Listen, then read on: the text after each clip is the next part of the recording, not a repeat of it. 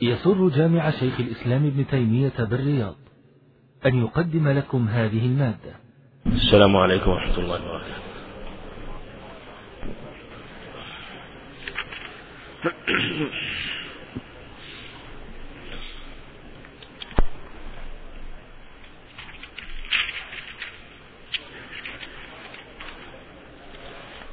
بسم الله بسم الله الرحمن الرحيم الحمد لله رب العالمين وصلى الله وسلم وبارك على عبد الله ورسوله محمد وعلى آله وصحبه أجمعين قال ابن الجارود رحمه الله تعالى وشيخنا والحاضرين والمسلمين وجمعنا بهم في جنات النعيم حدثنا بحر بن نصر عن ابن وهب قال أن أني حدثني نعم يعني أنبأني أول إيش عندك؟ أحسن الله عليك. حدثنا بحر بن نصر عن ابن وهب قال أنبأني عمرو بن الحارث أن أبا الزبير حدثه أنه سمع جابر أنه سمع جابر بن عبد الله رضي الله عنهما يذكر أن رسول الله صلى الله عليه وسلم قال فيما سقت الأنهار والعيون العشور وفيما سقي بالثانية نصف العشر. حدثنا حدثنا لبعد حدثنا. حدثنا محمد بن يحيى قال حدثنا سعيد بن أبي مريم قال أخبرنا ابن وهب قال حدثني يونس بن يزيد عن ابن شهاب عن سالم بن عبد الله رضي عن سالم بن عبد الله عن أبيه رضي الله عنه عن رسول الله صلى الله عليه وسلم أنه سن فيما سقت السماء والعيون أو كان عثريا العشر. أو, أو كان. نعم أو كان. نعم. عليك أنه سن فيما سقت السماء والعيون أو كان عفريا العشر وفيما سقي بالنضح نصف العشر. الحمد لله رب العالمين والصلاة والسلام على محمد وعلى آله وأصحابه وأتباعه بإحسان إلى يوم الدين. يتقدم الإشارة في حديث أنس الطويل رضي الله عنه في صدقة المواشي وأنه حديث عظيم ومما جاء فيه أن فيما دون خمس وعشرين في كل خمس شاة. وذهب آه، جمع من أهل العلم إلى أنه لا يجزي إلا الشاة فيما دون الخمس.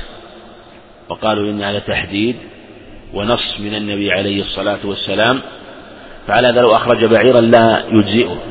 كما هو قول مالك وأبي حنيفة كما هو قول الشافعي. وأحمد وذهب بعض العلماء لعله قول مالك وأبي حنيفة رحمة الله عليهم إلى أنه يجوز أن يخرج فيما دون خمس وعشرين أن يخرج عنها بعيرا. أن يخرج عنها بعيرا. وذلك أن الحكمة والله أعلم في العدول عن البعير إلى الشاء فيما دون خمس وعشرين أن هذا القدر قد لا يتحمل. وذلك أن الواحد من الواحد من الإبل والبعير حينما يؤخذ من خمس فهو شيء كثير بالنسبة إليها وكذلك في العشر إلى خمس وعشرين فإذا بلغت هذا العدد ففيها بنت مخاض بلغت عددا فيه كثرة فيتحمل أن يخرج عنها من جنسها في هذا السن فيما تم له سنة ودخل في السنة الثانية.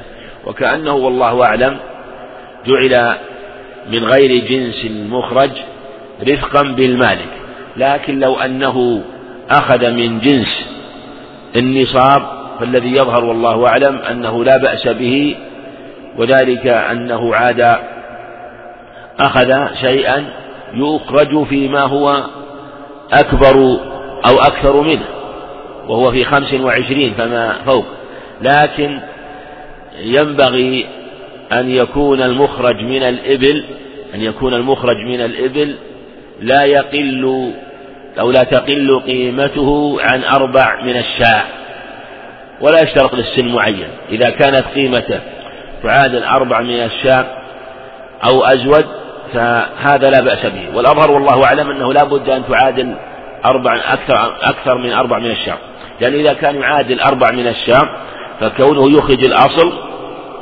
هو الأولى. وذلك أنه آه، في الغالب ربما في الغالب يكون أكثر وأوفر وفيه تعدد من جهة المصلحة في الانتفاع بعدد من الشياه فإذا كانت قيمته أرفع فلا بأس بذلك مع أن الذين جوزوا قالوا يشترط ألا تقل عن قيمة أربع من الشاة أيضا من المسائل المتعلقة بها وهي مسائل كثيرة لكن منها آه، وهي من المسائل الواقعة ما يتعلق بزكاة شركات الألبان في البقر. هل يجب أن تخرج الزكاة من الريع أو الواجب تقييمها؟ تقييمها وتزكى كما تزكى عروض التجارة. على أصل الجمهور أن الزكاة فيما كان ثابتا ولا يقلب في التجارة أن الزكاة تكون في ريعه كالشيء الذي يؤجر من عقار أو حيوان نحو ذلك. هذا هو المعروف عند عند الجمهور رحمة الله عليهم وهو أنه إذا كان آه، له ريع أو إذا كان لا يقلب في التجارة فالزكاة في ريعه. وذهب بعض العلماء كابن عقيل إلى أنه تجب الزكاة في الأصل وأنه يقوم وتخرج زكاته.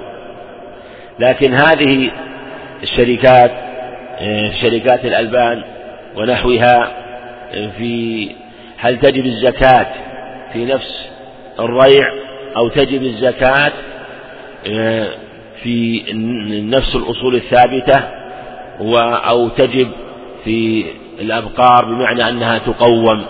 هذا وقع في خلاف بين المعاصرين في وجوب الزكاة وكيف تكييفها وكيف إخراجها. الذي يظهر لي والله أعلم أن ينظر.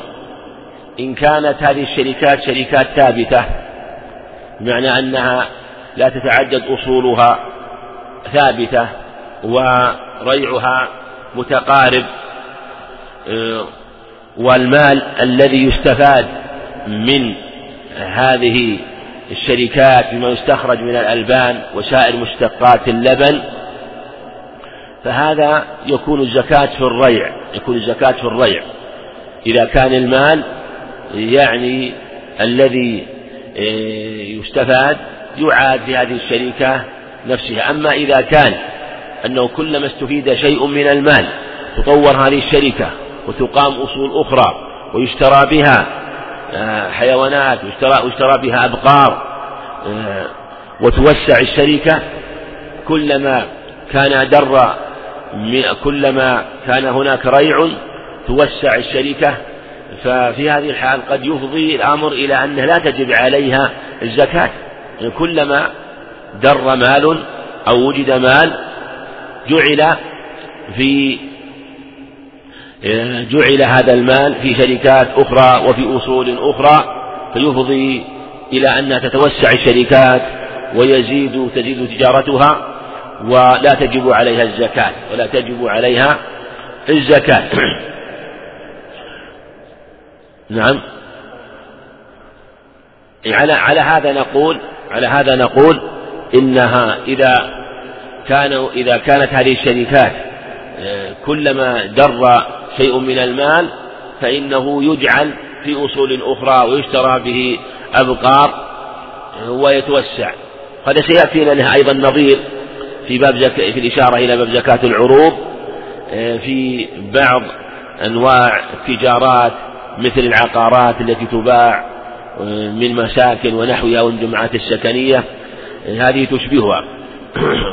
مما يبنى ويؤجر مما يبنى ويؤجر. فإذا كان الأمر كذلك فالأظهر أنه يجب تقويمها وإخراج زكاتها وأنه لا تكون الزكاة في الريع لأنه يعني يفضي إلى سقوط الزكاة أو أن الزكاة لا تجب عليهم مثلا في هذا المال إلا مرة واحدة أو في عام واحد إذا وجد شرط ثم بعد ذلك يبادر بهذا المال فيبنى به فيشترى به. ما يزيد من حجم هذه الشركة وما يكفر أصولها ويوسع تجارتها ثم يكون سببا في عدم وجوب الزكاة عليها.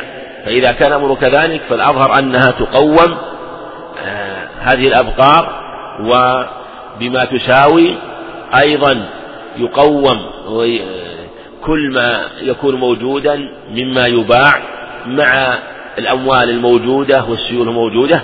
أما الشيء الثابت والأصول الثابتة الأصول الثابتة هذه آه، يعني لا تقوم مثل المكائن ونحو ذلك أو آه، الآلات التي تكون لاستخراج الحليب وصنع سائر مشتقاته إلا إذا كانت سلك بها المسلك الذي سلك به في الأبقار فصار كلما آه، كان ريع حصل توسع ثم زيادة في الأصول فيظهر والله أعلم أنه يشبه في هذه الحالة يشبه عروض التجارة يشبه البيع والشراء لكن بصورة أخرى بصورة أخرى. وعلى هذا تأتي مسألة أيضا أخرى وهي مسألة آه، عروض التجارة وتقدم لنا عروض التجارة تقوم على الصحيح بالأقل من النصابين من الذهب والفضة على الصحيح. هذا هو اللي تقدم وهو قول الجمهور. وعلى هذا آه، عروض التجارة كما نعلم فيها الزكاة فيها واجبة على قول جماهير أهل العلم ويأتي الإشارة إلى إلى شيء إلى ما تجب فيه الزكاة في حديث جابر بن عبد الله رضي الله عنهما. وعلى هذا لو كان إنسان شركة تعمل في المباني وتبيع المساكن المجمعات السكنية أي تجب عليه الزكاة كل عام كل عام. وعلى هذا هل تنتظر للزكاة حتى ينتهي ينتهي المشروع ويتهيأ للبيع أو تقوم؟ الأظهر والله أعلم أنها تقوم كل عام ولو كانت لم تكمل يعني ولو كانت عظم يعني فتقوم تقوم. بل يقوم المواد الخام يعني لا تقوم المصنعة لو كان مثلا يعني مجمع سكني للبيع وحتى الآن لا زال آه، في طور الإعداد و آه، وهناك مواد خام من إسمنت ومن بلوك ومن حديد موجود مكوم عند هذه المباني. فإن هذا يقوم أيضا. وربما يعني يظن بعض الناس أنه لا يدخل لا يقوم لأنه في الحقيقة خام. وسوف يدخل في التصنيع فيصير له ثمن أعلى لأن الإسمنت ما دام في أكياسه ثمنه ثمن قيمته في الغالب بما اشتراه. لكن حينما يجعل لياصة والحديد حينما يجعل في السقوف والأعمدة والأساسات تزيد قيمته لأن صار مصنع ككل شيء كسائر الأشياء المصنعة. فهي إن كانت خام تقوم خام وإن كانت مصنعة تقوم مصنعة. إلا الشيء الذي لا يدخل في باب في البيع مثل بعض الآلات يستعمل مثلا في نجارة في حداد إذا كانت مملوكة لنفس الشركة أو كان المقاول تابع للشركة وكانت مواد التي له مملوكة للشركة. أما إذا كانت مملوكة للمقاول هذا لا إشكال ليست داخلا. لكن إذا كان نفس المقاول نفس الشركة ومواد التي مع مملوكة للشركة أو نفسها هذه الأشياء مملوكة للشركة فهذه لا زكاة فيها لأن مثابة الأساسات الثابتة في أموال التموينات وغيرها من الأرفف والثلاجات والبرادات ونحو ذلك هذه لا تدخل في باب عروض التجارة أما ما كان يدخل في التصنيع من مواد الخام من إسمنت وحديد وبلوك وبلاط فإذا كان قد جهز وأعد لكنه لم يدخل في التصنيع فالصحيح أنه يقوم مع البناء ويزكى ويزكى. ولو فرض أنه بقي هذا المشروع سنتان أو أكثر فيقوم كل عام. وذلك أن في الحقيقة إيه، لو قيل لا يقوم حتى لا يزكى حتى يتهيأ إيه، للبيع يكون كلما اتسع المشروع كلما قلت الزكاة كلما قلت الزكاة. لأن في الغالب حين تسمى المشروع ربما يتأخر آه، يعني انتهاؤه آه، أيضا يعني تقل التكاليف على على صاحب المشروع. فالواجب هو تقويمه كما تقدم وإخراج زكاته لكن بما يعني يسوى لا بما يعرض يعني بالسعر المعتدل. ثم إذا اختلف السعر فإنه يكون متوسط وأدنى وأعلى فالشيء الذي يكون دارجا في السوق آه، فإنه آه، يقوم به وتخرج زكاته ربع العشر.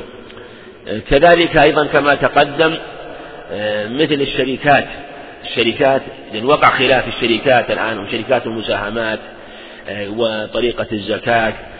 ومنهم من يقول تجد الزكاة مطلقة على الشركات بلا فرق بين الشركات التجارية والشركات الصناعية وكلها بمثابة عروض تجارة وكذلك شركات تكون لتأجير آه، سيارات أو فنادق أو استراحات أو ما أشبه ذلك. لكن معروف عند الجمهور أن الزكاة تختلف بحسب الأصل. فإن كانت شركات تصنيع فلها حكم. إن كانت شركات تقليب تجارة فلها حكم وهذا هو المعروف عند الجمهور وهو الصحيح لكن إذا كانت هذه الشركات الصناعية أو شركات التأجير مثلا في تأجير طائرات أو بواخر أو سيارات أو فنادق إذا كانت كلما تحصل مال عندها فإنها تبادر يعني مثلا لو أنها قبضت هذه الأجرة فندق يؤجر أو طائرات أو بواخر فلما قبضت الأجرة في أول العام الزكاة ما تجب يعني إلا بعد مضي سنة بعد مضي سنة. بل عند مالك وأبي حنيفة آه، لا تجب إلا لو مضى لو قبضت بعد سنة من العقد وكان متفق بين الشركة المؤجرة والمستأجر أنه يقبض بعد سنة كما هو يجري في بعض العقود وكذلك استجار بعض المباني أو البيوت قد يقدمون مثلا يقدم في الغالب لكن مالك وأبي حنيفة رحمة الله عليهم يقولون لو أنه لم يقبضه إلا بعد سنة فإنه يستأنف بالحول يعني. سنة فعلى هذا إذا قبض هذا المال مثلا في أول العام في أول العام على كلا القولين لا زكاة فيه يعني في من أول العقد. ثم أدخل هذا المال في مشاريع أخرى. بناء بالتأجير. كل ما قبض وضع في هذا المبنى هذا البناء التأجير. على هذا يكون هذا الريع الذي يدر من هذه المباني الضخمة تمضي سنوات ولا يجر ربما أيضا بعد ذلك إذا قام هذا البناء يكون سبيل السبيل المباني الأخرى ويؤخذ ريعه. وهذا لا شك ليس يعني يخالف حكمة الشرع والصحيح على هذا أنها تأخذ حكم عروض التجارة في الحقيقة. تأخذ حكم عروض التجارة وهذا هو الذي يتبين في هذه المسألة يعني أنه ربما يكون قولا وسطا بين من قال لا تجب مطلقا وبين من قال تجب مطلقا وأنه يفرق. إن كانت هذه الشركة آه، يعني آه، تأخذ هذا الريع تأخذ هذا الريع ولا تجعله في مشاريع أخرى إن أو تجعله في مشروع حتى تؤمن هذا الأصل. يعني مجرد ما يقوم هذا الأصل في سداد دين في تأمين احتياجات في هذه الحالة نقول لا زكاة إلا في الريع أما إذا كان كلما در ريع منه فإنه يجعل في مشاريع أخرى كما يقع في بعض الشركات التي تكثر من فتح الفروع يكون مثلا أصل إذا مثلا فرع واحد وحصل به الكفاية والغنى ثم بعد ذلك فرع ثاني وثالث ورابع وعاشر مئة فرع مئة فعلى تتوسع الفروع ثم ربما يمضي سنوات كثيرة ولا يزكى ولا يخرج منها. يقول لا أنا ما عندي أنا ما عندي عروض تجارة أنا عندي آه، مباني للتأجير وما أشبه ذلك أو محلات تدر ريعا والأصول ثابتة. هذا في الحقيقة كما تقدم يفضي إلى كثرة الأموال وتوسعها وكثرة الحركة ومع ذلك لا يجب فيه آه، شيء للزكاة هذا لا يمكن. والصواب على هذا فيما يتبين أنه يجب تقويمها وأنها قد تكون آه، أبلغ وأكثر يعني أمانا وأكثر فائدة من عروض التجارة. وذلك أن هذا في الحقيقة عروض التجارة قد تتعرض للخسارة والهلاك. لكن هذا لا. يأخذ المال يجعله في أصول ثابتة. يجعله في أصول ثابتة. هذا يعني أبلغ في ثبات التجارة وفي قوة التجارة ولا يمكن أن تسقط عنه آه، بهذه الطريقة. قال رحمه الله حدثنا بحر بن نصر هذا ابن سابق الخولاني تقدم عن ابن وهب وعبد الله أنبانا عمرو بن الحارث هو وثقة رحمه الله وهو مشهور من شيوخ ابن وهب عبد الحارث المصري أن أبا الزبير وعبد الله ومحمد مسلم تدرس الأسد أبو الزبير المكي رحمه الله أنه سمع صرح هنا بسماعه من جابر. عن جابر عبد الله رضي الله آه، عنهما يذكر أن رسول الله صلى الله عليه وسلم قال فيما سقت الأنهار والعيون العشور وفيما سقي بالسائل نصف العشر. هذا رواه مسلم ورواه أيضا شيخان من حديث ابن عمر كما في آه، الرواية التي ذكرها المصنف رحمه الله من سقط السماء وكان عثريا العشر وما فيها سقي بالنضح نصف العشر. في حديث جابر الثانية وفي حديث ابن عمر آه، النضح. هذا الحديث استدل به أبو حنيفة رحمه الله إلى أن الزكاة تجب في كل ما خرج من الأرض وأن علة الزكاة عندها النماء. كل ما ينمو تجب فيه الزكاة استثنوا أشياء كالحشيش نحو ذلك. وقال لعموم حديث جابر وابن عمر في مساقة السماء والعيون. كذلك في حديث ابن عمر وحديث جابر هنا. ولم يخصه بشيء بل عمه في كل ما يخرج. ذهب الجمهور إلى أنه لا تجب لا تجب إلا في أشياء خاصة وأيضا ولا تجب إلا وذهب أبو حنيفة إلى أنها تجب في القليل والكثير تجب في القليل والكثير. والجمهور قالوا إن هذا الحديث حديث ابن عمر وابن عباس وجابر مخصوص بحديث أبي سعيد الخدري في الصحيحين ليس فيما دون خمسة أوسق. صدقة عند مسلم من حب ولا تمر وفي رواية عند مسلم حب ولا تمر بالفاء المثلثة. كذلك في حديث جابر بن عبد الله في مسلم معناه ليس في دون خمسة أوسق. صدقة. وقالوا إن هذا مخصص بعموم حديث ابن عمر وحديث جابر وحديث ابن عمر وجابر في بيان جنس في بيان جنس ما تجب فيه الزكاة. لم يسق إلى القدر في بيان جنس ما تجب فيه الزكاة وأنها تجب في الخارج والأرض. أما حديث أبي سعيد صحيحين وحديث جابر الآخر فهو في بيان القدر المخرج فعندنا شيء تخرج منه الزكاة وعندنا قدر مخرج. فحديث جابر بن عمر وجابر رضي الله عنهما في الجنس الذي تجب فيه الزكاة.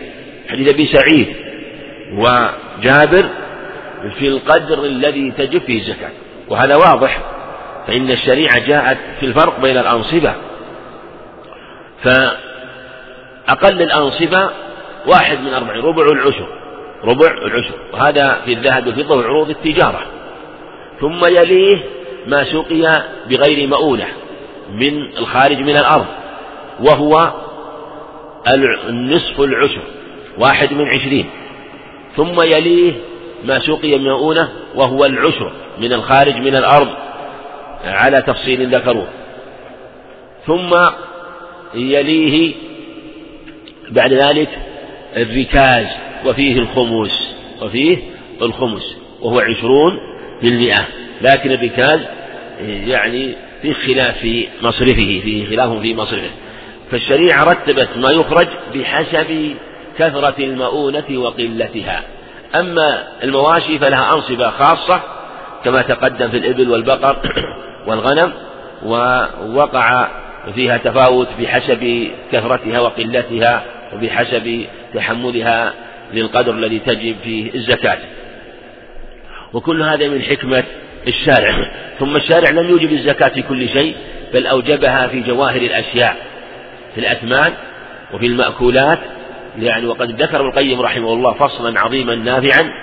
ينبغي مراجعته في الموقعين. وذكر كلمة لا أستح كلاما مهما. أنا لا أستحضر يعني كلامه هنا لكنه ذكر حكما عظيمة رحمه الله ينبغي مراجعته في مسألة آه، وجوب الزكاة وكيف لا في القدر ولا في الجنس. آه، ذكر حكما تتفق مع عظمة هذه الشريعة وأنه لم يجبها الشارع في جنس الأثمان إلا في الذهب والفضة لم يجبها في الحديد ولا في النحاس أوجبها في أعلاها أعلى هذه الجواهر والذهب والفضة.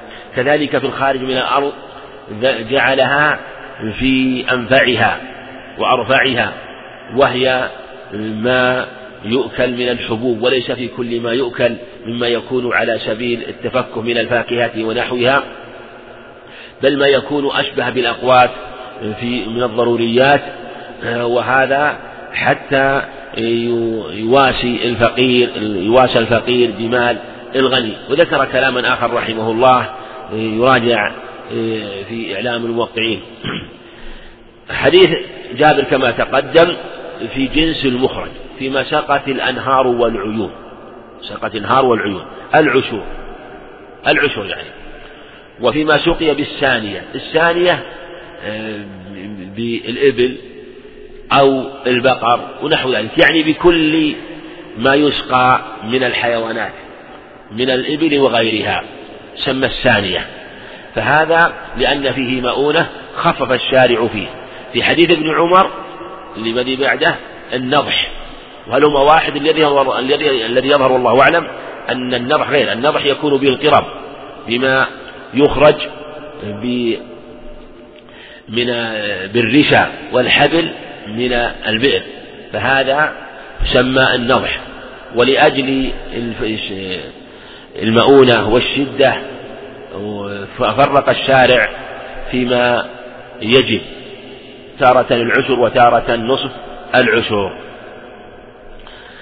في مشقة الأنهار والعيون الأنهار والعيون. وفي حديث ابن عمر أو كان عثريا في مشقة السماء السماء بالأمطار والعيون ما يكون مما يكون على وجه الأرض وكذلك أو كان عثريا. العثري يعني ما يشرب من السواقي لو كان مثلا بذر أو حبوب بجانب السواقي والماء يجري لكنه آه، هذه الحبوب آه، نبتت بقربها من هذه السواقي ولم يكن قصد إجراء الماء لها.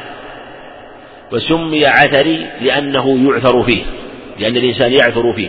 وقال الخطابي عثري لأنه عثر على الماء قريبا عثر على الماء قريبا. ويلحق في به كل ما كان يشرب من ماء سواء كان من السواقي أو كانت الأرض ندية أو كانت الأرض آه، يعني قريبة من الماء. فإذا نزل آه، جذره شيئا يسيرا فإنه يتصل بالماء ويعثر عليه. وعلى هذا لا يمتنع أن يكون العثري ما يعثر على الماء قريبا في باطنها أو ما يكون يعثر فيه وهو في ظاهرها. فعلى هذا سواء كان الماء في باطنها مما يخرج مثلا من العيون أو يكون نازلا من السماء أو يكون قرب مثلا أحواض ونحو ذلك وتكون الأرض ندية فينبت هذا الحب بلا شقي. فهذا فيه العشور فيه العشور. فيه مسألة أخرى وهي مهمة وهي في الحقيقة آه، ليس فيها دليل يفصل وهي ماذا أو ما هو الشيء الذي تجب فيه الزكاة؟ ما هو الشيء الذي تجب فيه الزكاة من هذه ممن خارج من الأرض؟ ذهب الأحناف إلى أن الزكاة تجب في كل خارج من الأرض. أنواع الحبوب والثمار والفواكه كلها يجب فيها الزكاة لعموم الدليل. ولقوله تعالى يا أيها الذين أنفقوا من طيبات ما كسبتم مما أخرجنا أنفقوا من طيبات ما كسبتم مما أخرجنا لكم من الأرض. قوله مما أخرجنا لكم من الأرض. أخرجنا هذا يشمل كل ما أخرج من الأرض سواء كان من الأقوات أو من آه، ما يتفكه به ما يتفكه به آه، من الفاكهة ونحوها. فقالوا إن تجب فيه الزكاة. وكذلك للعموم في هذا الحد في آه، في الأدلة. في الأدلة فقالوا إنه كما يجب في قليله وكثيره يجب في كل ما يخرج من الأرض. وقالوا إن العلة النماء وخالف الجمهور في هذا لكن اختلفوا. منهم من قال يجب في كل حب مكيل حب وفي الغالب أن الحب المكيل يكون مدخر. يكون مدخر. منهم من قال يجب في كل مكيل مدخر. كل ما يكال يدخر فإنه يجب سواء كان حب أو لم يكن حب. ومنهم من قال العلة الادخار. ومنهم من قال و وهذا اختيار تقي الدين رحمه الله في بعض كلامه.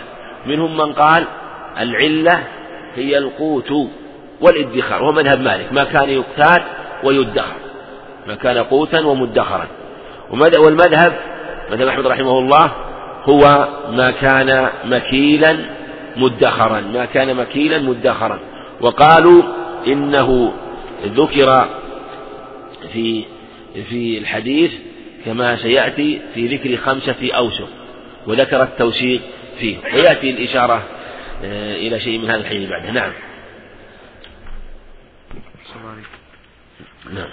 قال حدثنا محمد بن يحيى قال حدثنا محمد بن يوسف قال حدثنا سفيان عن إسماعيل بن أبيه عن محمد بن يحيى بن حبان بن حبان عن يحيى بن عمارة عن أبي سعيد عن أبي سعيد الخدري رضي الله عنه قال قال رسول الله صلى الله عليه وسلم ليس فيما دون خمسة أوسق صدقة من حب ولا تمر. نعم. الحديث متقدم أسانيده تقدم الإشارة إليه والثاني محمد بن يحيى هو الزهري سعيد بن أبي مريم أيضا ثقة هو ابن الحكم مصري ثقة رحمه الله.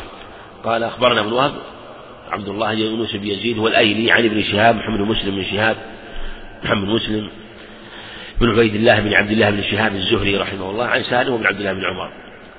الحديث الثاني وفي الصحيحين لكن هذا لفظ مسلم هذا لفظ مسلم. حدثنا محمد بن يحيى حدثنا محمد بن يوسف هذا هو الفريابي. قال حدثنا سفيان من هو سفيان هذا؟ محمد بن يوسف الفريابي عن سفيان. من؟ من؟ الثوري. لا محمد بن يوسف الفريابي. نعم. محمد بن يوسف هذا الفريابي. شيخه من شيخه الثوري. إذا أطلق سفيان فهو الثوري. عن إسماعيل بن أمية هو الأموي.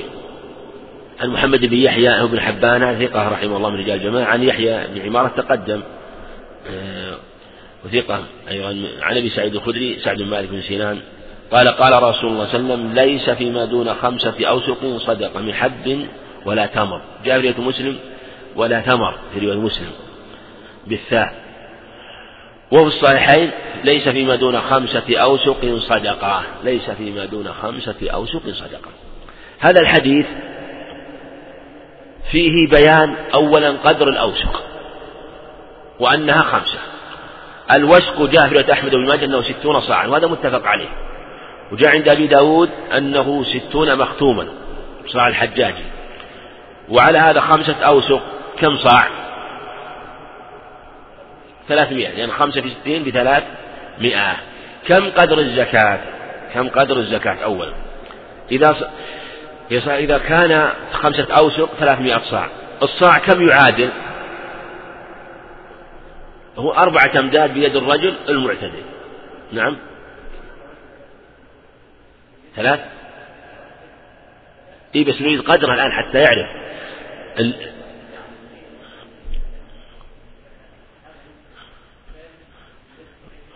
طيب كيف عرفنا أن الثلاث إدراك التقدير أصل أصل أصل الصاع هنا. كيف نعرف قدر الصاع؟ كيف نعرف قدر الصاع؟ نعم. الصاع كم رطل الصاع كم رطل إيه. كم رطل إيه.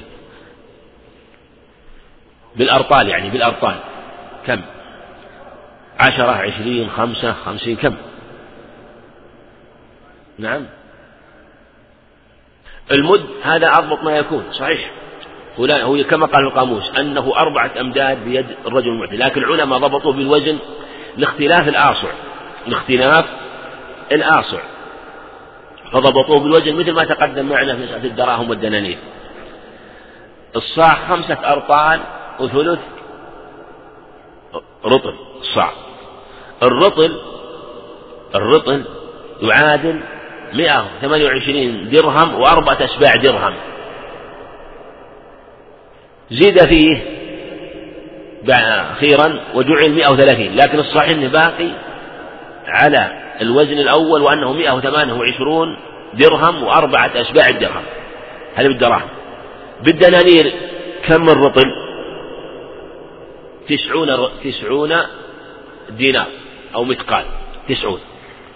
بعد ما زيد في الرطل وجعل 130 زيد في الأرقام رطل مثقال. صار 91 لأن 128 وأربعة أشباع كملت بدرهم وثلاثة أشباع ودرهم وثلاثة أشباع الدرهم يعادل كم؟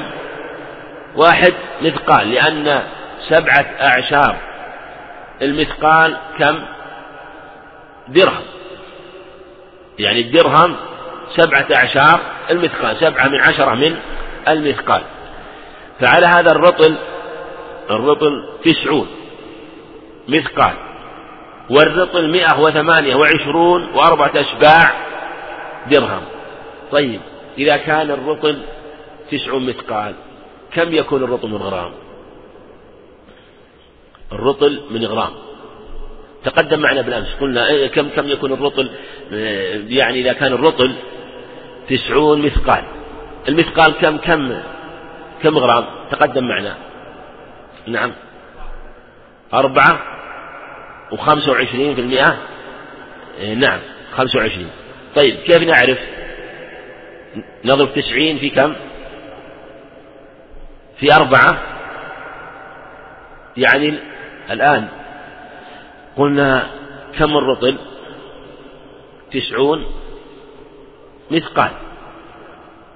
تسعون مثقال. المثقال كم درهم؟ كم غرام أربعة وخمسة وعشرين. ولا لا؟ أربع غرامات وربع أربع غرامات وربع أربع غرامات وربع.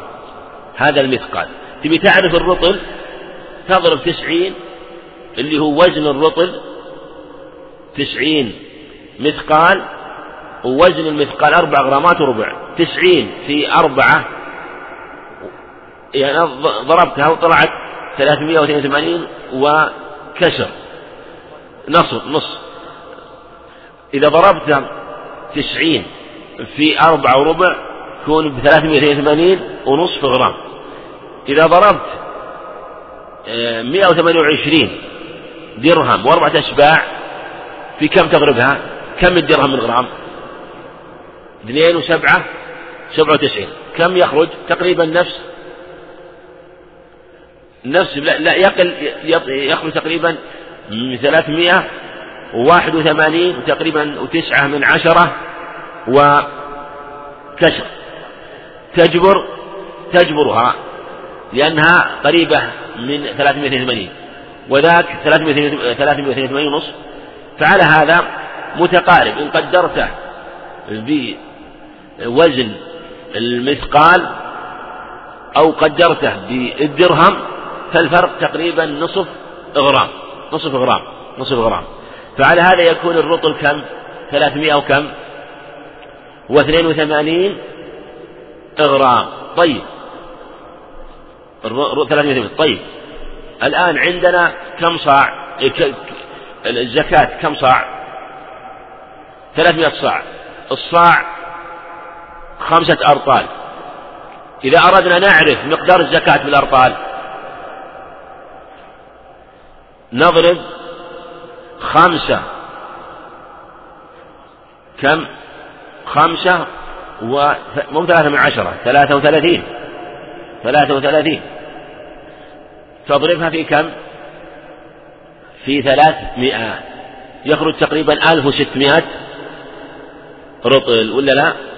ألف وستمائة رطل ألف وستمائة رطل ألف وستمائة رطل. تعادل بالكيلو يعني ستمائة إن جعلتها على القسمة الأولى يتقدم بحساب الدنانير تكون ستمائة وتسعة وثلاثين كيلو. وإن حسبتها بحساب الدرهم تخرج ستمائة وخمسة وثلاثين وكسر. يعني إذا جبرتها صار ستة وثلاثين وتلك تخرج ستمائة تقريبا وثمانية وثلاثين وكسر. فعلى هذا نأخذ بالقدر الأقل بالقدر الأقل ونجبر آه، ستمائة وخمسة وثلاثين وتكون ستمائة وستة وثلاثين غرام. ستمائة وستة وثلاثين آه، كيلو. ستمائة وستة وثلاثين كيلو. ومنهم من يجعلها ستمائة وأربعين ومنهم من يجعلها ستمائة آه، وأزود يعني أكثر من مئة وربما أيضا أقل. وفي بعض المجامع قالوا إن قدروا الصاع بكيلوين ونص. وهذا فيه نظر في الحقيقة. فيه نظر. فرق كثير. ومنهم من يقول ثلاثة يجبره. والصحيح نقول أننا نبين القدر لأن الصاع النبوي أصغر من الصاع الموجود بين الناس خاصة في في المعروف بين الناس في مما يتعاملون به في مزارعهم وفي محاقلهم. لكن من أراد أن يحتاط في باب الزكوات في باب الزكوات في باب الإخراج الموجب عليه له ذلك. لكن في باب الوجوب في باب الوجوب على هذا لو قلنا إن الصاع ثلاث كيلو قلنا إن إن الزكاة لا تجب إلا إذا بلغ تسعمائة كيلو. هذا في نظر. وعلى هذا نقول الأحوط أنها إذا جاوزت ستمائة أو بلغت ستمائة فالأحوط أنه يزكي. إذا كان ستمائة من التمر ستمائة من العنب يعني الذي بعدما يجفف وهكذا من الحبوب القمح الشعير الحنطة وما أشبه ذلك من أنواع الحبوب الأخرى على اختلاف أنواعها. هذا آه، هو قدر النصاب وهذا هو أصل تقديره وهذا هو أصل تقديره وأنه خمسة أوسق خمسة أوسق. أيضا تقدم الإشارة إلى مسألة الزكاة في ما هو الجنس اللي تجب فيه والإشارة إلى خلاف الأحناف الإشارة إلى خلاف الأحناف مع الجمهور الأحناف أوجبوها في كل ما يخرج والجمهور قالوا لا واختلفوا خلاف كثير. وذهب ابن القيم رحمه الله اختار مذهب مالك رحمه الله أنه في كل ما يقتات ما ما يكون قوتا نعم من وفي الغالب تكون من الأشياء المدخرة. وهذا في الحقيقة يشبه الخلاف في علة الربا في الأصناف الأربعة في علة الربا لأن الأصناف المتفق عليها في باب الزكاة في باب الزكاة من الحبوب أربعة. والمتفق عليها في باب الربا كم؟ أربعة. البر والشعير والتمر والملح. تمر. متفق عليها في باب الزكاة أيضا كذلك. التمر والزبيب والبر والشعير والبر والشعير. لكن هنا مكان ذاك مكان الملح وهنا مكانه الزبيب. في في هذه لكن قصدها أربعة وأربعة. أربعة متفق عليها في باب الزكاة. هذه الحبوب إذا إذا عرفنا هذه أربعة متفق عليها فالحمد لله. هذه محل إجماع. حكاها ابن عبد البر وابن المنذر هذه أصلا أربعة البر والشعير والتمر والزبيب هذه الأربعة أصناف أربعة اتفق عليها أيضا اتفق على الذهب والفضة هذه كم؟ ستة والإبل والبقر والغنم هذه كم؟ تسعة العاشر ما هو؟ عروض التجارة هذه عشرة أصناف الزكاة واجبة فيها قطعا عروض التجارة في خلاف لكن خلاف ضعيف ولا يكاد يعني يقول به قائل اليوم. وإن قال به أهل الظاهر والأدلة معلومة في وجوب زكاة عروض تجارة ولعل يأتي الإشارة إليه إن شاء الله في وقت آخر. هذه الأصناف العشرة العشرة تسعة متفق عليها. إجماع واضح. العاشر خالف فيه أهل الظاهر. أهل الظاهر وعروض التجارة. فيما سوى ذلك وقع الخلاف فيه من سائر أنواع الحبوب من سائر أنواع الحبوب الموجودة. وكذلك أنواع الفواكه مثل الجوز واللوز والفستق وسائر أنواع الحبوب الحلبة وما أشبه ذلك الفاصوليا سائر أنواع الحبوب القهوة وما أشبه ذلك. هذه وقع فيها خلاف. المذهب يقولون يجب في كل مكيل مكيل مدخر. وعلى هذا لا يشترط المخصوص فتجب في الحلبة وما أشبهها وكذلك سائر أنواع الحبوب الأخرى مثل الذرة. مع أن الذرة وردت في رواية عند ابن ماجه. ابن ماجه وردت عند ابن ماجه. من لكنها بإسناد ضعيف. والجمهور ألحقها من جهة العلة. ورد في حديث موسى أبي موسى ومعاذ رضي الله عنه عند الطبراني الحاكم أن النبي عليه الصلاة والسلام قال لا تأخذ الزكاة إلا من هذه الأصناف الأربعة من البر والشعير والتمر والزبيب. هذا الحديث لو صح لكان فاصل لكن الحديث فيه كلام كثير ولم يأخذ به الجمهور فهو متكلم فيه الحديث في سنده. والمسألة تحتاج إلى يعني مزيد بحث والقول يعني ذكر ذكر التوثيق هنا ما يعني مقصود قال خمسة أوسق وأنه أمر مقصود وعلى هذا كل ما يوثق آه، مما يدخر إن يتج فيه الزكاة هذا قول يعني له قوته خاصة أنه ذكر التوثيق في حديث جابر وفي حديث أبي سعيد رضي الله عنهم ولهذا قال من حب ولا تمر ثم قوله من حب هذا تفسير واضح. ثم جاء أيضا بعض الروايات مما يبين فذكر الحب يبين أنه ليس خاصا بهذه الأصناف الأربعة ودل أن كل حب مما يوثق فإنه تجب الزكاة. وهذا هو الأقرب. وعلى هذا إذا كان حبا موثقا والوسق والتوثيق والجمع يعني إما يكاد استوثق الأمر والليل ما وسق يعني وما جمع فيه وسمي الوسق وسقا لأنه يجمع هذه الآصع فسمي وسق ويقال وسق وهذا يعني هو الذي يظهر من أدلة آه، فيما يتبين آه، من أدلة تظهر. وربما يتبين قول ثاني الله أعلم. نعم. نعم. أيضا قبل ذلك آه، مسألة مرت معنا مسألة الأوقاص الأوقاص عندنا الأوقاص شيء لا تجب فيه الزكاة مطلقا. وهذا في أوقاص الغنم هذا الزيادة عن النصاب ليست واجبة مطلقا. بالإجماع. الوقص في الحبوب والثمار هذا تجب فيه الزكاة بلا خلاف يعني صار مثلا بلغ النصاب بلغ النصاب مثلا ستمائة وستة وثلاثين ثم وكانت مثلا ستمائة أو ستين سبعمائة تجب في سبعمائة. يعني لا نقول لها وقص فلا وقص فيها بلا خلاف. والمواشي الوقص لا زكاة فيه بلا خلاف. الذهب والفضة والعروض التجارة هذا موضوع خلاف. الجمهور أنه لا وقص فيها وهذا هو الصحيح وظاهر الأدلة. في بعضها فما زاد أيضا. نعم.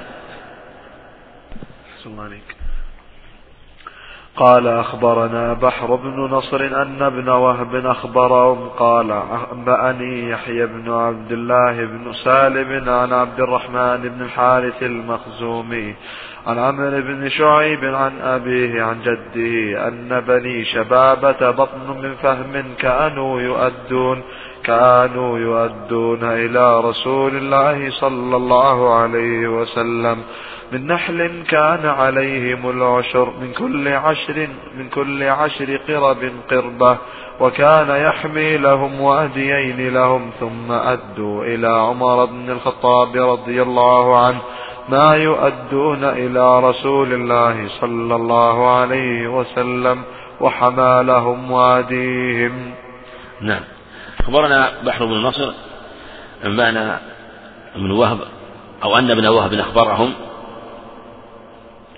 آه، هذا من تقديم الراوي قبل الصيغة وهذا يقع أحيانا. أنا أخبرني يحيى بن عبيد بن عبد الله بن سالم وهذا لا بأس بالصدوق من رجال مسلم ابن سالم عبد ابن جد السالم عبد الله. عن عبد الرحمن بن الحارث الخولاني آه، عبد عبد الرحمن بن الحارث هذا من رجال السنن المخزومي هنا المخزومي عن عمرو بن شعيب بن جدة مثل عمرو بن شعيب كما تقدم لا بأس بها. وهذا الحديث آه، جاء له طريق آخر وقد رواه أبو داود بلفظ آخر آه، يدل على هذا المعنى. وفي هذا الحديث أنه آه، قال كانوا يؤدون إلى رسول الله صلى الله عليه وسلم من نحل كان عليهم العشور من كل عشر قرب قربة. وكان يحمي لهم واديه ثم أدوا إلى عمر رضي الله عنه ما يؤدون إلى رسول الله صلى الله عليه وسلم وحمى لهم وأديهم. هذا الحديث استدل به من قال بوجوب زكاة العشر. وزكاة العشر من علم من من من أوجبها احتج بهذه الأخبار واحتج أيضا برواية بالحديث عند أبي داود من رواية عبد الله بن عمرو كما هنا جاء آه، رجل من بني متعان وفي بعضها عند ابن ماجه أبو سيارة المتعي وهو هلال وكان آه، قد حمى النبي عليه الصلاة والسلام واديا. جاء بعشور نخله بعشر نحله وقد كان حمله عليه الصلاة والسلام واديا. ثم لما ولي عمر رضي الله عنه آه، سأل كتب سفيان بن وهب واليه على الطائف وكان والي على الطائف وأنه سأل أن يحمى له محل آه، واديه أو محل النحل فقال إن أدى ما يؤدي إليك في عهد إن أدى ما كان يؤدي في عهد الرسول صلى الله عليه وسلم فاحمي له سلبه وإلا فإنما هو ذباب غيث يأكله من شاء يأكله من شاء. وجاء أيضا عند أحمد بن ماجه من رواية أبي سيارة آه، المتعي أو المتعي نحو من هذا المعنى وفيه انقطاع. وجاء في رواية أيضا عند الترمذي أنه من كل عشر قرب قربة وأن فيه العشور وأن فيه العشور. وأنه وأن نصابه فيه عشر قرب وأنها تعادل مئة وستين رطل مئة وستين رطل. مئة وستين رطل. ومئة وستين رطل ممكن أن تحسب يعني إذا بالوزن إذا علمنا أن الرطل كما تقدم آه، ثلاثمائة واثنان وثمانون غرام فعلى هذا تضرب مئة وستين في ثلاثمائة وثمانين يعني ربما تتجاوز ستين كيلو قليلا فمن بلغ عند هذا القدر فإنه تجب فيه الزكاة على هذا القول على الزكاة القول. وذهب بعض العلم إلى أنه لا تجب الزكاة وهو قول الجمهور وضعف البخاري أخبار والدة في هذا وابن المنذر وقال الأخبار الواردة في هذا ضعيفة ولا تثبت والعسل لا زكاة فيه وقالوا إن سيرة عمر تدل على هذا. والأقرب والله أعلم أن يقال كما جاء في قول عمر رضي الله عنه وذلك أن الحديث الوارد عند أبي داود حديث جيد حيث كان يأتي بزكاة بالعشور النبي عليه الصلاة والسلام. فمن كان آه، أدى العشور فمن كان آه، أعطي مثلا إعانة أو آه، يعني شيء مما يستعين به على جمع النحل وعلى ازدياد مثلا من العسل من النحل فهذا يؤخذ منه العشر ولهذا إن كان يؤدي إليك ما كان يؤدي إلى النبي صلى الله عليه وسلم فاحمله سلبه فاحمله سلبه يقول عليه الصلاة والسلام. يقول له عمر رضي الله عنه فاحمله سلبه. وعلى هذا يكون هذا القول وسط بين هذه الأقوال في هذه المسألة وسط بين هذه المسألة. وأما أنه يجب ابتداء فالأظهر أنه لا يجب. الأظهر أنه لا يجب وأنه لا زكاة فيه وكأن العشر هذا مقابل ما يقدم له من إعانة. ما يقدم لأنه يعطى من بيت المال فلا بد أن يعطي مقابل ما يأخذ من بيت المال. آه، فيشبه ما يفرض عليه لا أنه زكاة راتبة. هذا هو الأقرب في هذه المسألة وسط بين قول الجمهور وبين من أوجبها مطلقا. نعم. والحديث هنا إسناده لا بأس به ويتقوى برواية أبي داود. نعم. قال حدثنا محمد بن يحيى قال حدثنا عبد الله بن الزبير الحميدي قال حدثنا عبد الله بن رجاء عن عباد بن إسحاق عن الزهري عن سعيد بن المسيب عن عتاد عن, بن عن سعيد. نعم عن سعيد المسيب. نعم. عن سعيد بن المسيب عن عتاب بن أسيد رضي الله عنه أن رسول الله صلى الله عليه وسلم بعثه وأمره أن يخرص العنب كما يخرص النخل. وأن يأخذ زكاة العنب زبيبا كما يأخذ زكاة النخل تمرا. نعم. يقول رحمه حدثنا محمد بن يحيى حدثنا عبد الله بن الزبير الحميدي هذا من أجل شيوخ البخاري عبد الله بن الزبير الحميدي وقد صدر به صحيح رحمه الله في حديث النيات. قال حدثنا عبد الله بن رجاء هو المكي أبو عمران. لا بأس به. وعن عباد بن إسحاق هو عبد الرحمن بن إسحاق المدني قال في التقريب صدوق رمي بالقدر عن الزهري عن سعيد بن مسيب عن عتاب بن أسيد. المسيب بفتح آه، الياء على المشهور. أما ما يروى أنه قال سيب الله من سيب أبي هذا لا يثبت عنه لا يثبت عنه. عن عتاب بن أسيد هذا الحديث المعروف في كلام كلام كريم العلم أنه منقطع لأن عتاب توفي سنة وفاة أبي بكر. وفاة أبي بكر وسعيد رضي الله عنه قيل ولد لسنتين مضتا من خلافة عمر وقيل لسنتين بقيتا والأقرب أنه لسنتين مضتا من خلافة عمر وعلى هذا أدرك حياة عمر رضي الله عنه وأثبت سماعه الإمام أحمد رحمه الله بل جاء في رواية في, في أحد في بعض المسانيد يعني إن لم يغب عني فهو في مسند إسحاق. مسند إسحاق أنه صرح بسماعه أو سمع خطبة النبي صلى الله عليه وسلم ذكر الحافظ رحمه الله أو أو في مسند مسدد في أحد المسندين ولعله مسند مسدد وأنه صرح بسماعه وعلى هذا يكون ثبت سماعه منه.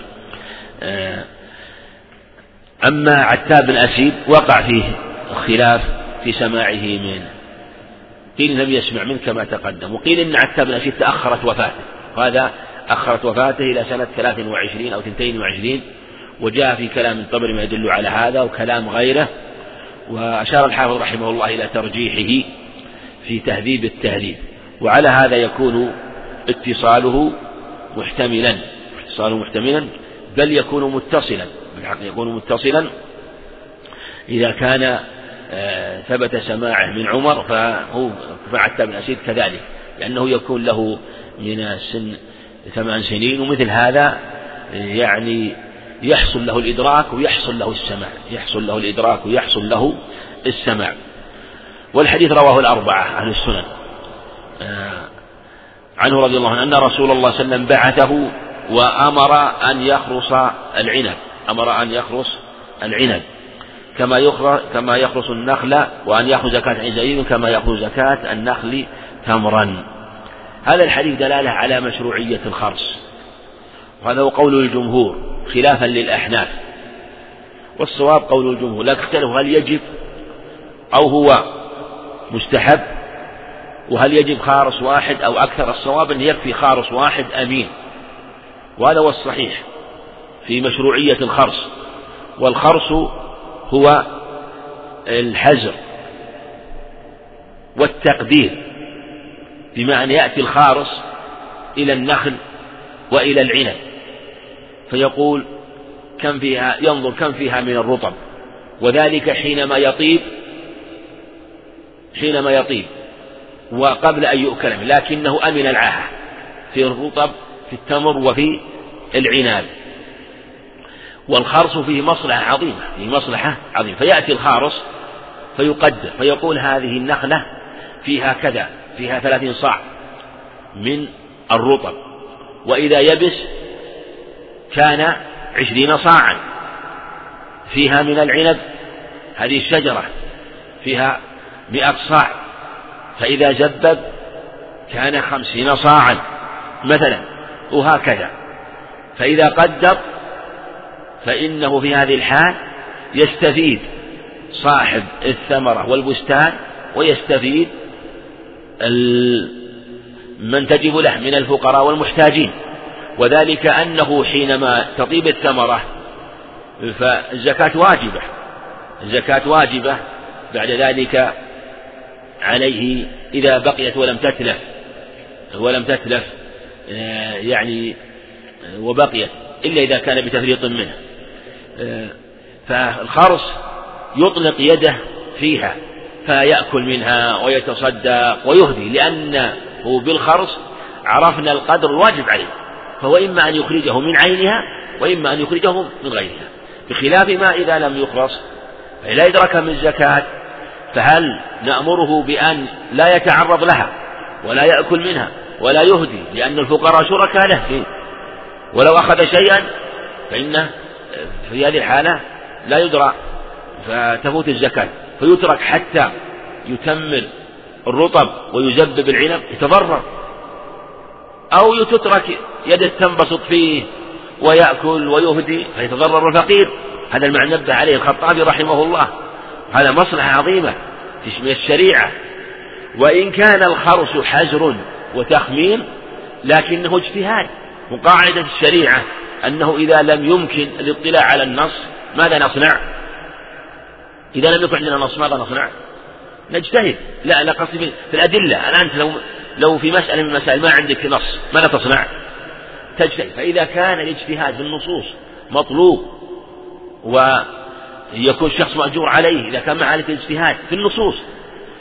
فالخرص هنا أمر محتاج إليه لمصلحة صاحب الثمرة ولمصلحة من تصرف له الزكاة. فلا يمكن معرفته على سبيل القطع لأنه يؤول بعد ذلك إلى قدر آخر.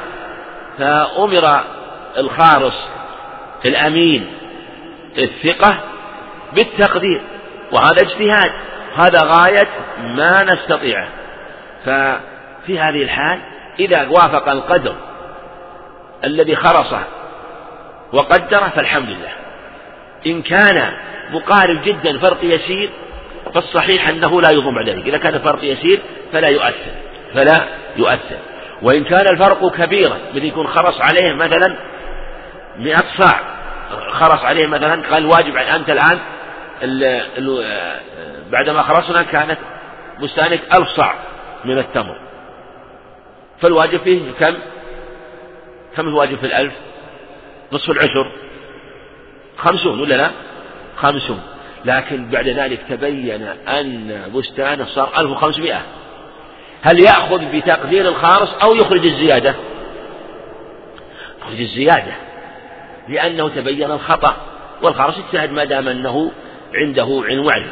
أما إذا كان فرق يسير صاع صاعين صاع عصر يسيرة فلا يضر في هذا ويأخذ ولا يؤمر. بعد ذلك هو أن يحسب يأخذ بقدر وينتهي لأنه مثل هذا يغتفر حتى أحيانا في بعض مسائل الصرف في بعض مسائل الصرف في باب الربا.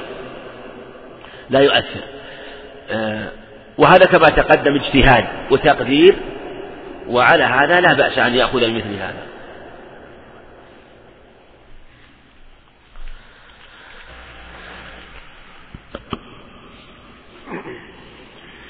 الله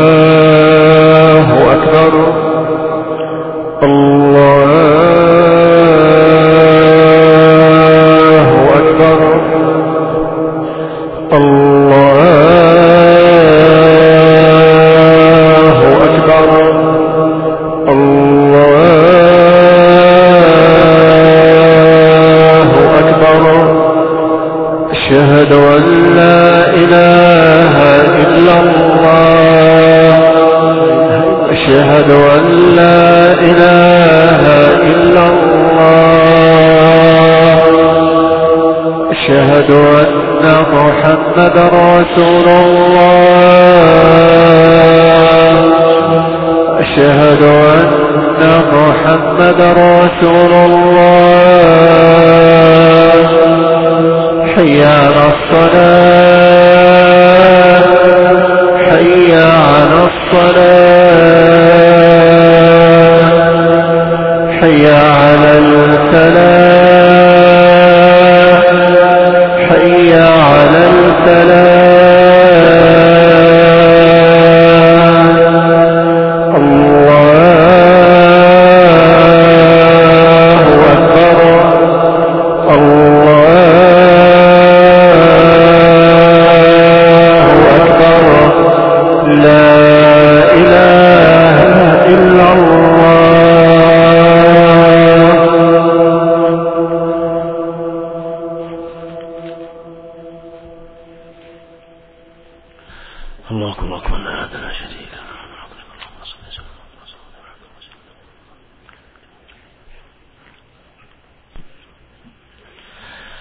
لله رب العالمين. تقدم أن الخرص مشروع كما جاء في الأدلة هو قول الجمهور. وهذا الحديث دليل في المسألة وكذلك الحديث الذي بعده. وثبت أيضا في الصحيحين حديث حميد الساعدي أنه عليه الصلاة والسلام أمر أن يخرص نخل امرأة حينما كان سائل تبوك فخرصها عشرة أوسق عليه الصلاة والسلام. وجاء عن عمر رضي الله عنه. وهذا عمل به الصحابة رضي الله عنهم. النبي عليه الصلاة والسلام في حياته ثم بعد ذلك الصحابة بعده. أما قول الكوفة إنه قمار وأنه هذا كان قبل تحريم القمار هذا كلام لا يصح. النبي المسلمون كما يقول ابن القيم يعملون به هذا. وقال نحو من الخطابي رحمه الله كأنه أخذ هذا المعنى مثل الخطابي رحمه الله. لم يزل المسلمون على هذا. وفي حياة النبي عليه الصلاة والسلام والصحابة بعد ذلك. فيقول يعني ابن القيم يعني أنهم كانوا على هذه الحال من العمل بالقمار حتى جاء فقهاء من الكوفة تبينوا هذه المسألة للمسلمين وأنه قمار. هذا لا يمكن هذا كلام لا يصح ولا يجوز القول به. ولهذا آه، أخذ الجمهور بهذا حينما جاء في معناه. نعم حدثنا. قال حدثنا محمد بن يحيى. قال حدثنا وهب بن جرير عن شعبة عن خبيب عن عبد الرحمن بن مسعود بن نيار. ابن نيار عن سهل بن أبي حثمة رضي الله عنه قال قال رسول الله صلى الله عليه وسلم إذا خرجتم فخذوا ودعوا دعوا الثلث فإن لم تدعوا الثلث فدعوا الربع. نعم. حدثنا محمد بن يحيى قال حدثنا وهم جرير عن شعبة. هو الحجاج الإمام المشهور عن خبيب هو هو بن عبد الرحمن الأنصاري وهو من شيوخ شعبة رحمه الله وهو ثقة من رجال الجماعة. عن عبد الرحمن مسعود بن نيار هذا قال في التقريب مقبول هو الأنصاري هو الأنصاري. عن سهل بن أبي حثمة رضي الله عنه قال قال الرسول صلى الله عليه وسلم إذا خرجتم فخذوا ودعوا. وخذوا ودعوا. دعوا الثلث فإن لم تدعوا الثلث فدعوا الربع. هذا حديث رواه أحمد والثلاثة أيضا وأبو داود الترمذي والنسائي والمصنف كما هنا. وحيث سنده محتمل. ومن أهل العلم من قال به وثبت ومن أهل العلم من قال من, من قال يخرص جميع النخل. واختلف في معناه. إذا خرصتم فخذوا. هل المعنى أنكم تخرصون جميع النخل وإذا أخذتم الزكاة تدعون الثلث منها أو الربع منها يعني من القدر المخرج لا المخرج منه. أو أنه إذا خرجتم فخذوا فدعوا الثلث من المخرج لا من من المخرج منه. والمعنى تخرصون ثلثي البستان أو ثلاثة الأرباع ثلاثة أرباع. لكن قد يؤيد القول الوجه الأول أن إذا خرجتم فخذوا ودعوا. فخذوا ودعوا. يعني خذوا لأن الذي يأخذه آه، العامل الذي يجمع الزكاة هو يأخذ الزكاة. يأخذ الزكاة. فيأخذ آه، ثلثيها أو ثلاثة أرباعها ويدع الثلث أو الربع. لكن التأويل محتمل. التأويل محتمل. وقد يؤيد الوجه الأول أنه آه، يترك ثلث ثمرة أو ربع الثمرة فلا يخرص لأنه يحتاج إليه في السابلة والمحتاج والمار على ابن السبيل على الطريق يهدي منه ما تيسر. أيضا ربما يخلص بعد ذلك. يعني قد يحتاج إلى شيء من الإعانة لغيره لأن الناس يحضرون وقت الثمرة فهذا يطلب وهذا فيتشوفون لها. فيكون خرص عائد إلى أو الترك عائد إلى نفس المخروص. والحديث محتمل لكن ينبغي التأكد من ثبوت هذا الخبر. وأيضا مراجعة ترجمة عبد الرحمن بن مسعود بن نيار فإن ارتفع عن درجة المقبول وإلا فيكون السند ضعيف لأن المقبول عند المتابعة عند الحافظ وإلا فلين. إذا قيل مقبول فهو عند المتابعة وإلا فلين. واللين حديث إسناد حديثه ضعيف. نعم حدثنا. حدثنا إسحاق بن عبد الله النيسابوري قال حدثنا حفص بن عبد الرحمن قال حدثنا سفيان بن سعيد عن عمرو الثقفي عن أبيه عن جده رضي الله عنه قال جاء رجل إلى رسول الله صلى الله عليه وسلم وفي يده خاتم من ذهب, من ذهب عظيم فقال تؤدي زكاة هذا؟ قال وما زكاته؟ قال فلما أولى قال جمرة عظيمة. نعم قف على هذا الحديث. حديث إسحاق عبد الله النيسابوري هذا ينظر شيخه هذا ما أدري عن ترجمته. لكن رأيت في بعض تراجم إسحاق بن عبد الله بن محمد بن رزين النيسابوري فإن كان هذا فقد تكلم بعضهم وقال إنه متروك إنه متروك. وبالجملة الحديث آه، يعني له شواهد آه، والمعنى دل عليه ثابت صحيح. قال حدثنا حفص بن عبد الرحمن هذا هو أيضا النيسابوري. لا بأس به رواه النسائي وغيره. قال حدثنا سفيان بن سعيد والثوري عن عمرو الثقفي عن أبي عن جده وعمر وأبوه كلاهما يعني ضعيف. وجده يعلى بن مرة الثقفي. وهذا الحديث بعد الإسناد ضعيف. قال جاء رجل إلى رسول الله صلى الله عليه وسلم وفي يده خاتم من ذهب عظيم. فقال تؤدي زكاة هذا؟ قال وما زكاته؟ قال فلما ولى قال جمرة عظيمة. قال أبو محمد المصنف محمد هو ابن الجارود قال الوليد مسلم في هذا عن سفيان عن عمرو بن يعلى الطائفي عن عمرو بن يعلى الطائفي. وعلى هذا إذا كان عن عمرو بن يعلى فيكون آه، سقط عن أبيه فيكون رواه عن يكون عمرو بن يعلى. ويعلى هو الصحابي يعلى بن مرة الطائفي. ووقع فيه اختلاف والحديث على كل حال بأسناد ضعيف.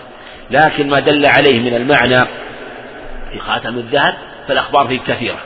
فقد ثبت في الصحيحين من حديث براء بن عازب أن النبي صلى الله عليه وسلم نهى عن خاتم الذهب وآنية الذهب.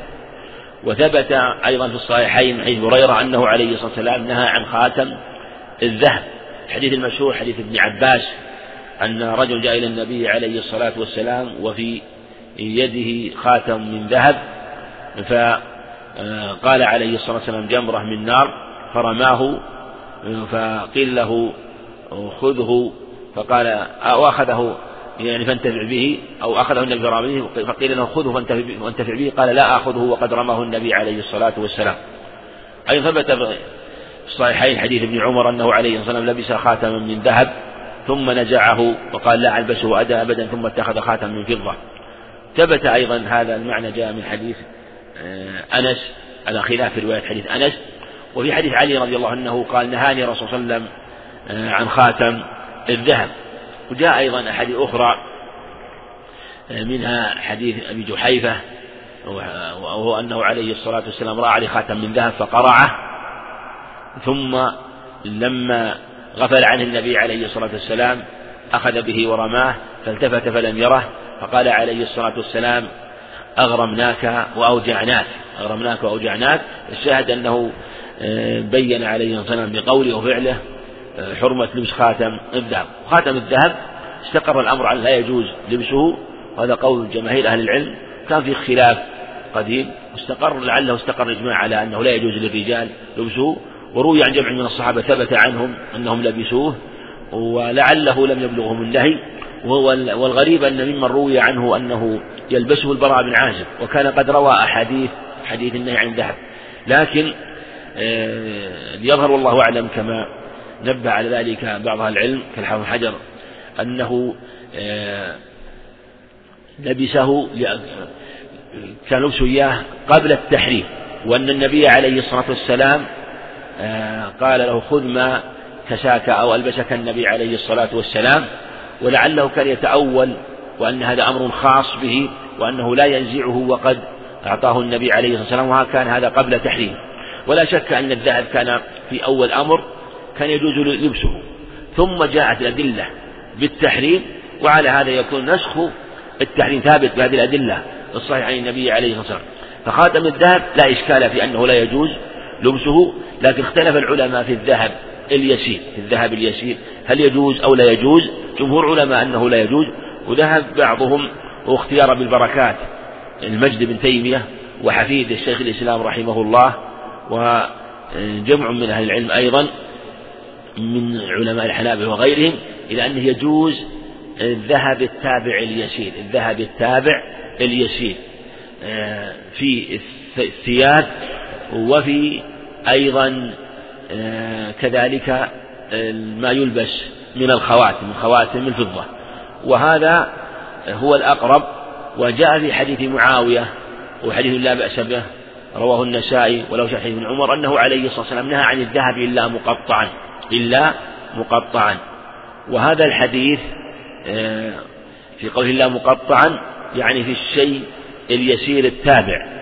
مثل مثلا الفص اليسير يكون لخاتم الفضة أو مثلا شيء يسير يكون كإطار ليس له أثر كثير فيما يلبس مثلا في نظارة مثلا أو في ريشة قلم نحو ذلك شيء يسير تابع. هذا إذا قيل إن القلم من جنس اللباس من جنس ما يلبس لأنه يوضع في آه، في المخبات ونحو ذلك وهو من جنس ما يلبس. كذلك في الثياب أيضا من لأنه ثبت في الصحيحين أنه عليه الصلاة والسلام أتي بجبة مزررة بذهب وأنه كساها مخرمة بن نوفل كما في الصحيحين. وجاءت أدلة أخرى ثم اختلفوا أيضا في هل يجوز في غيرها في بعض الأشياء غير في اللباس الأمر أيسر لورود نصوص تدل عليه تدل عليه. أما حديث أنه نهى عن الذهب ولا ولا خربصيصة من حديث أسماء وجاء من عبد الرحمن بن غن نهى عن الذهب ولا خربصيصة. هذا الحديث ضعيف والخربصيصة هي عين الجرادة هي عين الجرادة ولو ثبت فيحمل على المستقل أو على المنفرد على المنفرد ولو كان يسيرا. أما التابع اليسير فالظاهر أنه لا بأس به. إذ التابع آه، يأخذ حكم متبوع والتابع تابع كما يقول تابع تابع فهو أيسر آه، في باب الحكم. والله أعلم. نقف على هذا. نعم. صلى الله عليك يقول نرجو بيان شروط وجوب الزكاة نرجو بيان شروط وجوب الزكاة في بهيمة الأنعام. بهيمة الأنعام مثل ما تقدم أن تبلغ النصاب وأن تكون سائمة وأن يحول عليها الحول. فإذا كانت وجد السبب وهو النصاب وجد الشرط وهو تمام الحول مع فوات المانع وهو علفها بأن تكون سائمة فإن كانت تعلف فلا زكاة فيها. بهذا تجب الزكاة ولا يشترط فيها التكليف إنما يشترط فيها الإسلام. فالكافر لا تجب عليه بمعنى أنه لا يؤمر بها وإن كان مخاطبا بالإسلام ثم بعد ذلك يؤدي الزكاة. نعم. الله عليك. يقول هل تجب الزكاة في الزيتون وفي زيته وما مقداره فيها؟ الزيتون فيه خلاف. شيخ الإسلام يرى أن فيه الزكاة. فيه الزكاة وقالوا يعني أنه كالتين وأنه كالتين ومنهم من أوجب الزكاة في التين أيضا وقال التين يدخر. لكن ليس فيه دليل بين في الحقيقة والأصل براعة الذمة من الواجبات إلا بدليل بين. وليس هناك دليل بين يدل على وجوبها وأنا ما أظن أنه, أنه يعني ييبس. لا أعرف أنه ييبس. التين ربما التين ربما لأنه يدخر وييبس والمراد الادخار الطبيعي لا الادخار الصناعي. أما الادخار بالمواد الحادثة ليس لا عبرة به إنما الادخار بأن يكون بطبعه يبقى.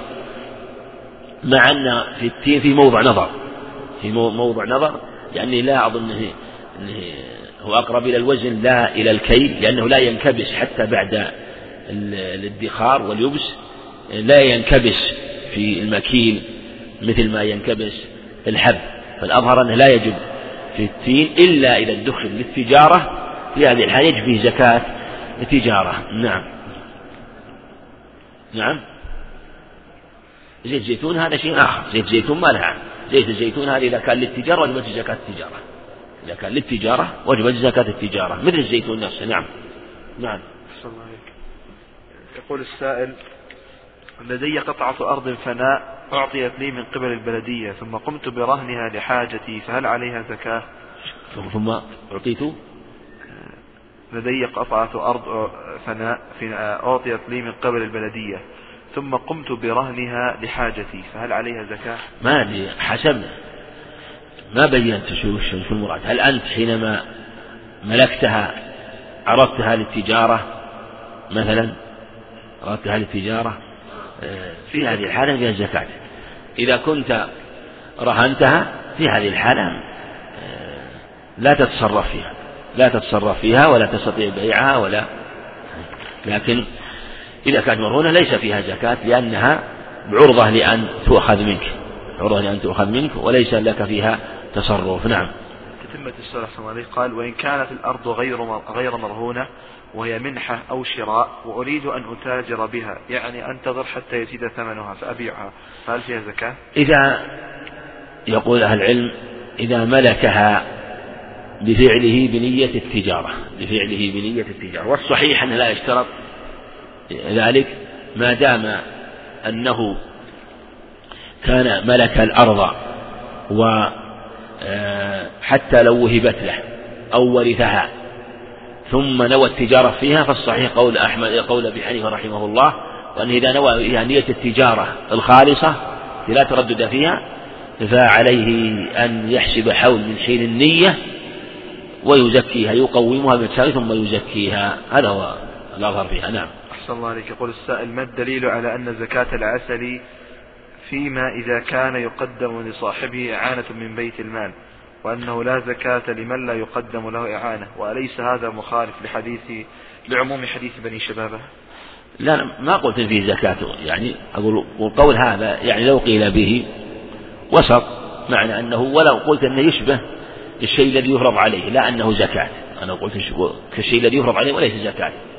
فالزكاة فلا يظهر. لكن إذا قيل بهذا مثلا وأنه إذا أراد يأخذ إعانة يدفع لا إذا أراد يأخذ إعانة فيأخذ منه. ولي الأمر آه، مقابل هذه الإعانة الشيء. سمي زكاة أو لا تسمي زكاة لكنه ليس كذا لكن إذا مثل ما قال عمر بن سفيان إن أدى إليك ما كان يؤدي للنبي صلى الله عليه وسلم هذا كلام عمر فاحمله سلفا. نقول إذا طلب إنسان إعانة طلب إنسان إعانة في هذه الحالة إن كان ولي الأمر طلب منه وجب عليه ذلك. مقابل هذا المال وإن أعطي إعانة بلا مقابل لا يجب عليه ذلك. نعم. هذا السؤال الأخير أحسن الله عليك. يقول السائل ما صحة هذه القاعدة أن حكم الأئمة على الأحاديث من جهة الصحة والضعف والحسن الأصل فيه القبول إلا إذا دل دليل على خلافه؟ أن ماذا؟ عند السؤال أحسن الله عليك. ما صحة هذه القاعدة؟ أن أحكام أئمة الحديث من جهة الصحة والضعف والحسن والحسن. الأصل فيها القبول حتى يدل الدليل على خلافها. حكم الأئمة على الأحاديث. ذكر الأئمة المتقدمين هو ولا؟ عموما الأئمة إذا كانوا أئمة فالأئمة كغيرهم. إذا ثبت أن الإمام حكم على حديث حكم على حديث فالإمام له اجتهاده له اجتهاده. نحن لا نقول حكم الإمام أنه حكم ليس متعقب لا. قد يحكم إمام الأئمة على حديث ويكون الحكم عليه خلاف الواقع في هذا الإسناد وأن فيه مثلا رجل مجهول أو في رجل متكلم فيه. هذا يقع للأئمة ويقع الحفاظ الله عليهم. والصحيح أنه لا يكتفى بذلك ولا يقلد إمام كما لا تقلد الإمام مثلا في مسألة مسائل الاجتهاد إذا كان الإنسان له قدرة على النظر وله قدرة على الاجتهاد في الأخبار في المسائل لا يقلد. والعلماء نصوا على لا يجوز التقليد. لا يجوز لمن لديه قدرة على النظر أن يقلد. بل يجب عليه أن يجتهد وينظر ما دام عنده آلة إلا إذا ضاق الوقت. وهكذا هذا يجري في باب الأخبار ويجري أيضا في باب المسائل. أنا سؤال لأحد الإخوان يقول إن تقدير الصاع آه، بالكيلو ونصف آه، غير صحيح. أنا ما قلت غير صحيح. أنا قلت ما قلت غير صحيح. ينبغي الإنسان يكون عند عبارة دقيقة. أنا لا لم أقل غير صحيح فيما أذكر قلت يعني فيه نظر. فيه نظر هذا الذي قلت. آه، فما هو؟ فما نخرج من الدقيق. نقول مسألة التقدير في باب الزكاة. ينبغي في باب الزكاة هذا الحكم في الشيء الواجب. الشيء اللي يجب عليك تأخذ بالقدر الأقل خاصة أن القدر التقدير الأقل هذا هو الموافق للتقادير التي ذكرها العلماء. يعني تقدير مثلا 2 كيلو آه، ما فوق الثلاثين إلى يعني المئة هذا آه، موافق لكلام أهل العلم في قدر وزن القيراط آه، الرطب وأنه 128 وأربعة أشباع درهم أو تسعون مثقال أو تسعون مثقال. لكن لعل من قدره صاع ونص قدره بالصاع الموجود. وهو أكبر.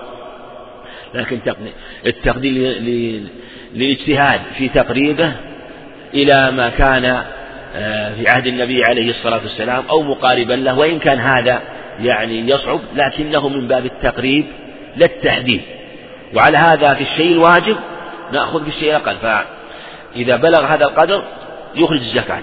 أما في باب الكفارات نقول طيب تخرج كيلو ونصف هذا طيب. إنسان عليه عليه كفارات يمين نقول كفارات اليمين. عشرة مساكين. كل مسكين نصف صاع. نصف صاع. فإذا حسبنا مثلا لكل مسكينين صاع وحسبنا الصاع ثلاث كيلو تعطي كل مسكين صاع ونص. كيلو ونص. كيلو ونص. وعلى هذا يكون عليك خمسة عشر كيلو. خمسة عشر كيلو تخرج إذا أخرج خمسة عشر كيلو كان أفضل. هذا طيب ما زاد يكون صدقة. وإذا حسبنا على حساب آه، كيلوين وأربعين غرام يكون القدر أقل يكون القدر أقل بلا شك آه، لأنه يكون نصيب نصيب الواحد كم؟ كيلو يعني ممكن آه، يعني بالغرامات يعني إذا جعلت أربعين وأربع غرامات. أربع غرامات تقريبا ها؟ اثنين كم؟ إيه اثنين نعم. إيه أربعين أربعين إيه نعم. النص نص عشرين واثنين آه، آه، أربعون. يعني اثنين. فالمقصود أنه إذا أخرج كيلوين نصف كان هذا أكمل. أخرج ثلاثة أكمل. هذا في باب الزكاة آه، في باب الكفارات في كفارة اليمين كفارة الظهار كفارة وطئ في رمضان وما أشبه ذلك من الكفارات. والله أعلم وصلى الله وسلم وبارك على نبينا محمد.